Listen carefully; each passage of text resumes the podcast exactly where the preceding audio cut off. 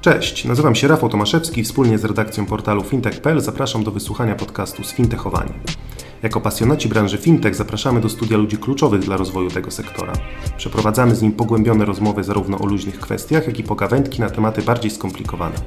Zajmujemy się wszystkim tym, co w codziennym kontakcie z branżą finansową może umknąć uwadze odbiorców. Codzienne newsy związane z fintechami, bankami czy innowacjami technologicznymi przeczytacie na fintech.pl oraz na naszej facebookowej grupie Sfintechowani.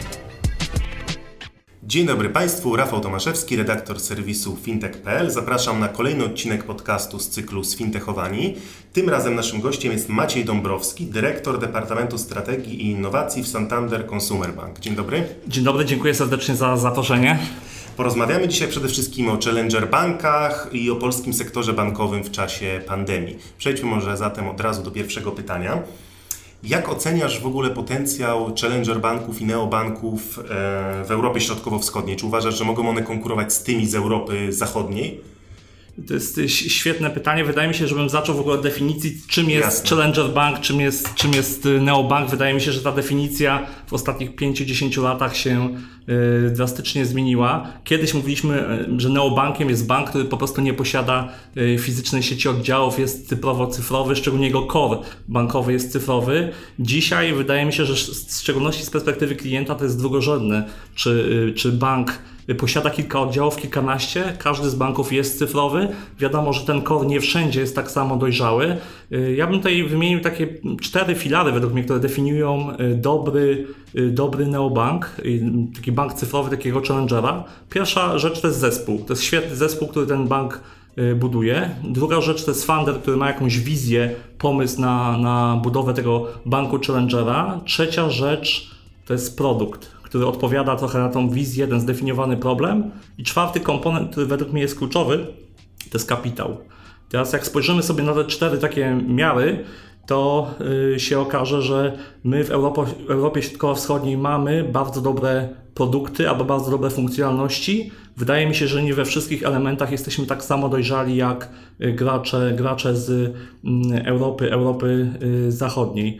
Dodatkowo tutaj warto zwrócić uwagę na to, jaki kapitał finansuje te, te banki. W Polsce i w Europie Środkowo-Wschodniej mamy dużo kapitału zachodniego, czyli czyli to są gracze z zachodu, którzy zainwestowali kiedyś kapitał tutaj budując te banki, banki innowacyjne. Mało jest natomiast takiego kapitału agresywnego, y, kapitału venture capital, który by oczekiwał y, podejścia i wzrostów dziesięciokrotnych. Tak? Wydaje mi się, że to dopiero ewentualnie jest, jest przed nami. No właśnie, i czy najlepszym dowodem na to, że ciężej rozwija się biznes w Europie Środkowo-Wschodniej, biznes challenger banków niż w Europie Zachodniej, jest chociażby fakt, że takie firmy jak Revolut czy TransferWise, które mają swoje korzenie w tej części Europy, kojarzone są z Wielką Brytanią i z Londynem, ponieważ tam mają swoje główne siedziby. Czy to jest, można powiedzieć, taki najlepszy dowód na to, że tutaj, w tym naszym regionie ciężej jest rozwijać taki biznes? Y, tak, to są dwa świetne case'y, które, które poruszyłeś, bo y, fanderzy tych zespołów, tych, tych, tych, tych, tych produktów oni przez jakiś czas mieszkali jednak w Londynie i to tam te pomysły, pomysły, pomysły powstały. W praktyce tam oni dopiero zobaczyli problemy, z którymi się z, zmierzają. TransferWise no to w sumie powstał dlatego, że y, założyciele nie mogli spłacać zobowiązań w, w, w Estonii, zobaczyli ten problem i dostawali pensje w euro czy funtach i nie mogli jej przelewać do, do Estonii. Podobny case jest jakby z Revolutem.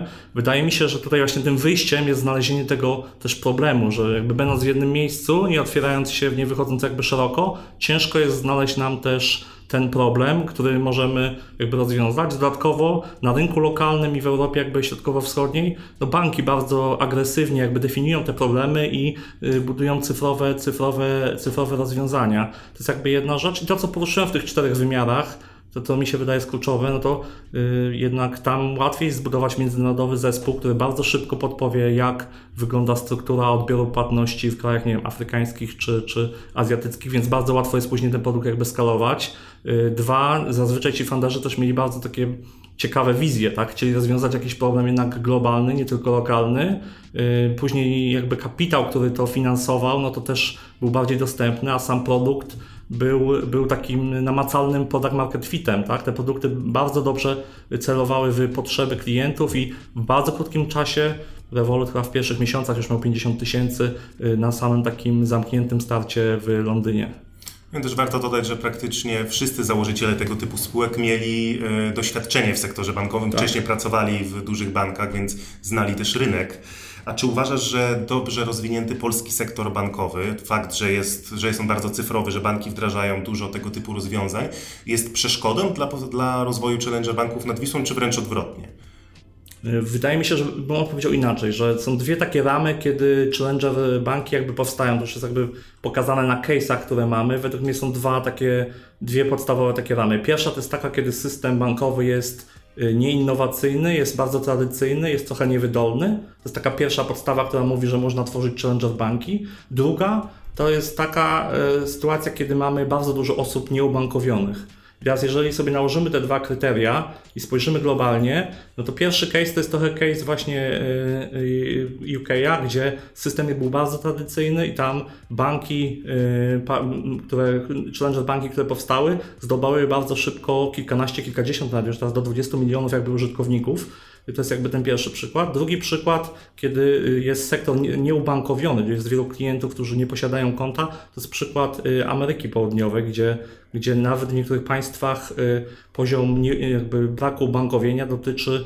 60-70% społeczeństwa. Więc jak mamy te dwa, według mnie te dwa punkty są wyjściem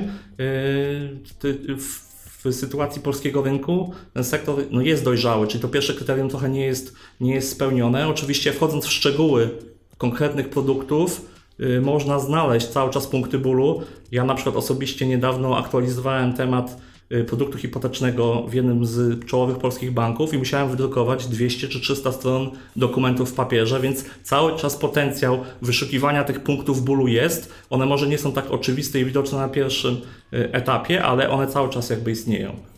A czy fakt, że Challenger banki stawiają w 100% na bankowość cyfrową, ponieważ zdecydowana większość, jeśli nie wszystkie, nie posiadają tak naprawdę w ogóle oddziałów, tak. placówek. Wszystko odbywa się przez internet. I czy uważasz, że jest to ich atut, że daje im to przewagę nad tradycyjnymi bankami, czy jednak brak tej sieci oddziałów jest pewnym, pewną przeszkodą? Ja tutaj widzę dwa jakby elementy. To jest pierwszy taki, że te banki, y, które powstają obecnie, one mają cały core, czyli cały backend y, bankowy jest y, jakby najwyższej klasy, jest najbardziej cyfrowy, często to są rozwiązania chmurowe y, i to jest według mnie bardzo duża przewaga challenger banków, czyli to, co jest w tle. Oczywiście, oczywiście w krótkim okresie czasu cały czas będą klienci, którzy korzystają z placówek i placówki nie znikną z polskich ulic ani ulic Europy Środkowo-Wschodniej. Zmieni się ich oczywiście funkcja i rola, też pokazał to też okres y, COVID-u, kiedy klienci oczywiście przenieśli się do bankowości cyfrowej, ale nie zapomnieli jednak o, o placówkach. Według mnie będzie zmieniała się ich rola. Przewaga Challenger banków to jest według mnie krótkoterminowa, y, która polega na tym, że one mają w pełni cyfrowy backend, a banki mają legacy, które wywodzi się y, z przed kilkunastu lat. Patrząc nawet na polskie najbardziej cyfrowe banki, to kiedy one powstawały, no to ich historia już sięga 20 lat, więc ich systemy korowe też, też mają już kilka kilkanaście albo kilkadziesiąt y, lat. Teraz zatrzymajmy się na chwilę przy Santander Consumer Banku i czy Wy jako bank współpracujecie z Challenger Bankami, czy postrzegacie ich jako partnerów, może jako konkurencję? Na polskim rynku i w Europie Środkowo-Wschodniej widzimy ich jako, jako bardziej jako partnerów. Jesteśmy otwarci na współpracę z, z Challenger bankami, jednak widzimy też, że oni sami próbują wejść w rolę banków, zdobywając licencje bankowe czy, czy, czy oferując podobne produkty. Na ten moment my jesteśmy otwarci, więc jeżeli, y, jeżeli ktoś y, ma, buduje, chce rozwijać, w szczególności w obszarze finansowania, finansowania potrzeb jakby konsumentów, to, to, to jesteśmy bardzo otwarci. Widzimy też, że w tym obszarze y, wiele challenger, wiele challenger banków nie ma jakby kompetencji w zakresie szczególności ryzyka, czyli oceny, oceny klienta. Y, aplikacje są świetnie zrobione jakby marketingowo, łatwo się pozyskuje bazę kliencką y, przy niskim progu wejścia, natomiast tematy oceny zdolności i w ogóle zarządzania ryzykiem to są cały czas kompetencje, które są mocniejsze w tradycyjnych bankach. Już patrząc na polski rynek, można przywołać takie dwa case, jak chociażby Revolut, który z powodzeniem rozwija się u nas na rynku i zdobywa bardzo dużo tak. klientów. Po drugiej stronie mamy N26, czyli niemiecki Challenger Bank, który wszedł na polski rynek już kilka miesięcy temu, ale tak naprawdę nie słyszymy za bardzo o ich sukcesach, raczej był, tak. było to wejście nieudane. E, I czy uważasz, że możemy doczekać się rozwoju kolejnych challenger banków w Polsce, na polskim rynku, czy to raczej Revolut już, e, już przejął tą bazę klientów zainteresowanych takimi usługami? Czyli to, to jest e, bardzo dobre pytanie, ale które też mi się wydaje pokazuje, że trzeba trafić jakby w konkretny problem i N26 w większości państw do tej pory był bardzo Y, bardzo mm, jakby płytko zamoczony w populacji, nie zdobył wielkich jakby udziałów, patrząc nawet na UK, z którego się wycofał. Oczywiście są różne plotki, dlaczego się wycofał, czy to jest Brexit, czy nie Brexit, czy może konkurencja. Natomiast na rynku amerykańskim wydaje się, że na przykład takie N26 trafiło w problem tego rynku, bo tam aplikacja jest celowana do osób głównie wykluczonych, które do tej pory nieaktywnie korzystały z kont bankowych, z bardzo ciekawą ofertą, czyli wypłaty pensji wcześniej. Tam bank zdobył dużą populację y, jakby klientów, więc wydaje mi się, że to jest y, wyzwanie y, aby trafienia w potrzebę, potrzebę rynku. Revolut zdobył oczywiście bardzo dużą populację, tak bo na przekroczyła chyba milion, milion, milion klientów. Tutaj wyzwaniem jest oczywiście monetyzacja tej bazy, bo ba historia bankowości nawet w Polsce pokazuje, że kiedyś banki 15 lat temu czy 20 bardzo łatwo zdobywały duże populacje e, klientów, tak to dzisiaj robi Revolut, tylko później problemem okazała się monetyzacja tej bazy i, i banki dlatego dzisiaj nie biją, e, nie, nie, nie tak aktywnie akwirują klientów, szukają relacji, które są głębsze i gdzie klient e, albo przelewa zobowiązania do banku, albo aktywnie korzysta z produktów kredytowych i to jest podstawą tej relacji. Oczywiście osobiście wierzę, że jest miejsce na jedną aplikację, taką na pewno globalną, która pokrywa potrzeby klientów w zakresie finansowania i Revolut ma jak najbardziej y, silne podstawy do, do stania się taką aplikacją. To, co jeszcze ich jakby wyróżnia, wyróżnia Challenger Banki z mojej perspektywy, to jest to, że mm, ten kapitał, którym oni dysponują, może nie jest nieskończony, ale pozwala im na wykonywanie wielu prób i testów różnych rozwiązań na wielu rynkach. I patrząc jakby na y, długi horyzont czasu, przy takim podejściu po prostu musi się to kiedyś udać. Dzisiaj Revolut w Polsce cały czas jest jakby widoczny jako taka aplikacja, która była używana w, w okresach oczywiście podróży. Oczywiście to się zmienia. Y, Revolut dodaje funkcje inwestycyjne czy tematy związane z kryptowalutami, których nigdy by tradycyjny bank jakby y, na ten moment przynajmniej nie poruszył.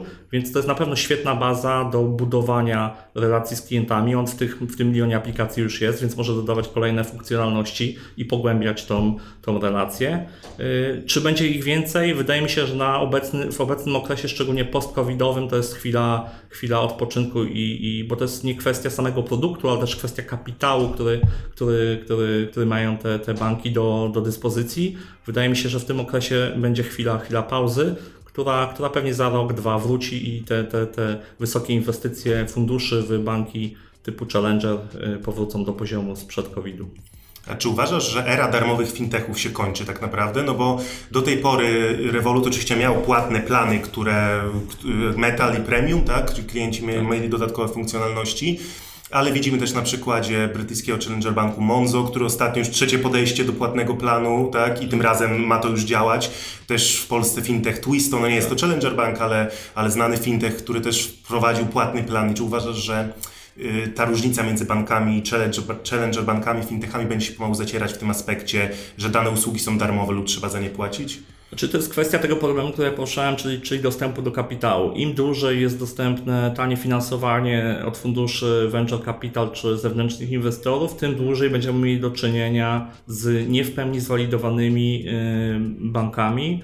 I to jest, mi się wydaje, jakby liniowe podejście z tym dostępem do kapitału. Teraz, w trakcie jakby po covid na pewno będziemy widzieć dużo inicjatyw, które mają podjąć próby monetyzacji bazy zdobytej przez, przez, yy, przez Y, challenger, challenger banki.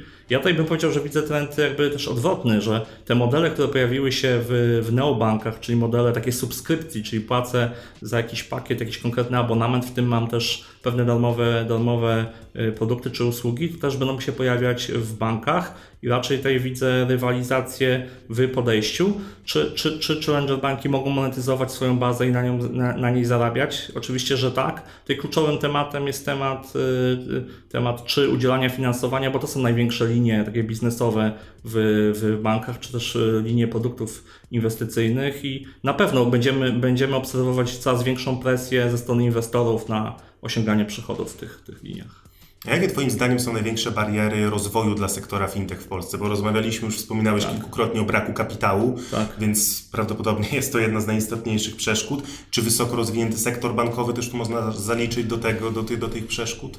Tylko ja bym powiedział, powiedział troszkę inaczej, że brak kapitału to nie wynika z tego, że jakby tego kapitału nie ma, on wynika chyba z tych trzech wyższych, czyli muszą być świetne zespoły, które mają bardzo dobrą, mocną wizję, jasno zdefiniowany, taki klarowny problem, który chcą rozwiązać i produkt, który odpowiada na tą potrzebę.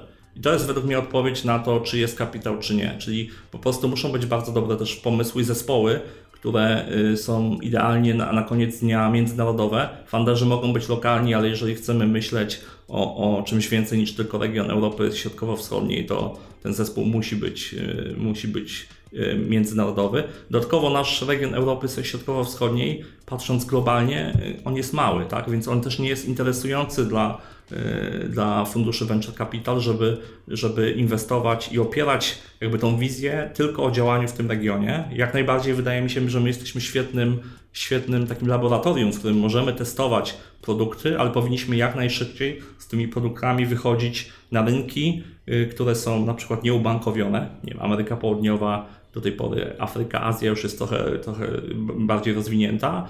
Tam jest gdzieś ten potencjał, wydaje mi się, popularyzacji polskich jakichś technologii czy rozwiązań, które trafiają w konkretny problem.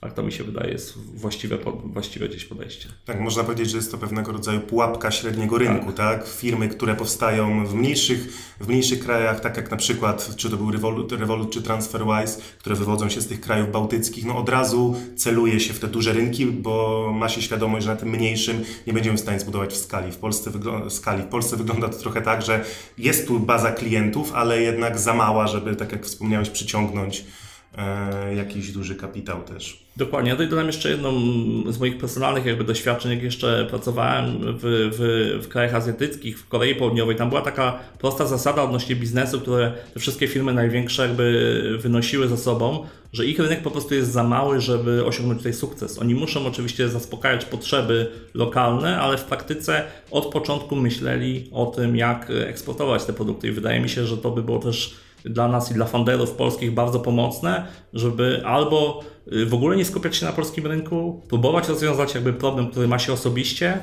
ale skalować go gdzieś na, na, na, na szersze, szersze wody.